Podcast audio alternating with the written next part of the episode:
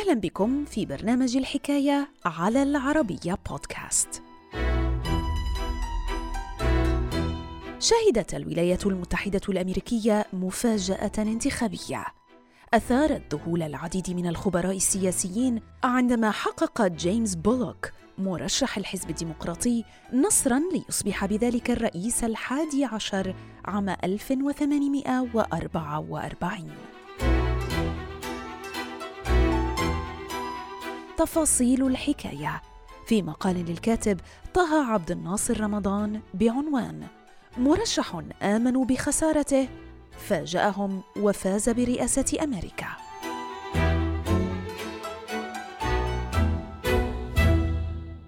الحكاية.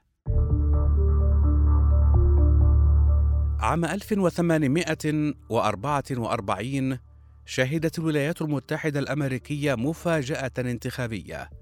أثارت ذهول العديد من الخبراء السياسيين. فمع انتهاء فترة جون تيلر الذي تولى رئاسة البلاد عقب وفاة الرئيس السابق ويليام هنري هاريسون يوم الرابع من نيسان أبريل عام 1841 اتجه الأمريكيون مطلع شهر تشرين الثاني نوفمبر عام 1844 لانتخاب رئيسهم الجديد من بين مرشحين رئيسيين تمثلا في جيمس بولك المنتمي للحزب الديمقراطي والسياسي الشهير هنري كلاي الذي رشحه حزب اليمين لتولي المنصب. وقد توقع الجميع حينها فوزا سهلا للسياسي المخضرم هنري كلاي إلا أن النتائج جاءت لتسفر عن عكس ذلك.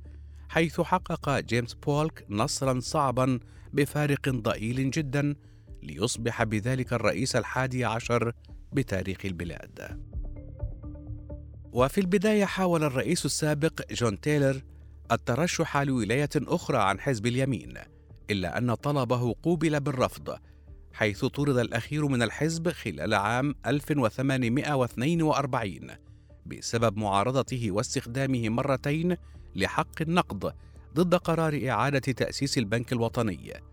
كما اتهم أيضا بالتنكر لليمينيين طيلة فترة حكمه عقب ضمه العديد من منتسبي الحزب الديمقراطي لمكتبه.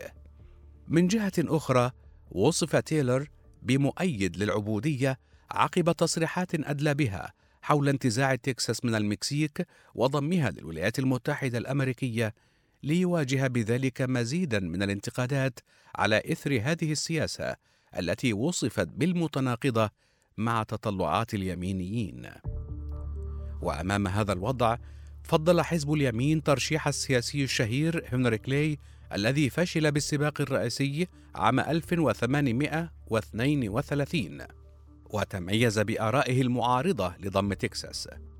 في المقابل أيد الديمقراطيون فكرة ضم تكساس للولايات المتحدة الأمريكية. وبادئ الأمر آمن الجميع بإمكانية حصول الرئيس السابق مارتن فان بيورن على بطاقة الحزب الديمقراطي لرئاسيات عام 1844 إلا أن ذلك قوبل برفض شديد بسبب رفض الأخير لموضوع ضم تكساس.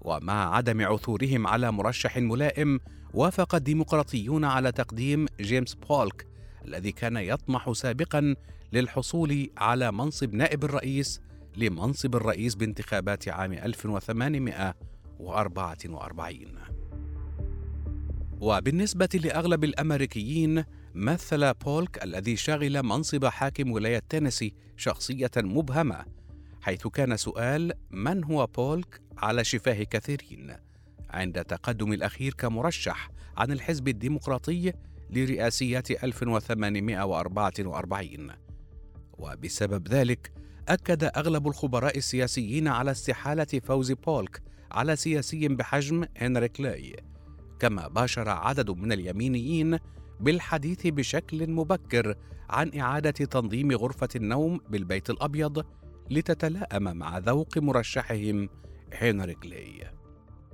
قبيل موعد الانتخابات كسب المرشح بولك دعم كثيرين بفضل تأييده لقضية ضم تكساس واتهامه لمنافسه كلاي بامتلاك خصال سيئة لا تليق برئيس.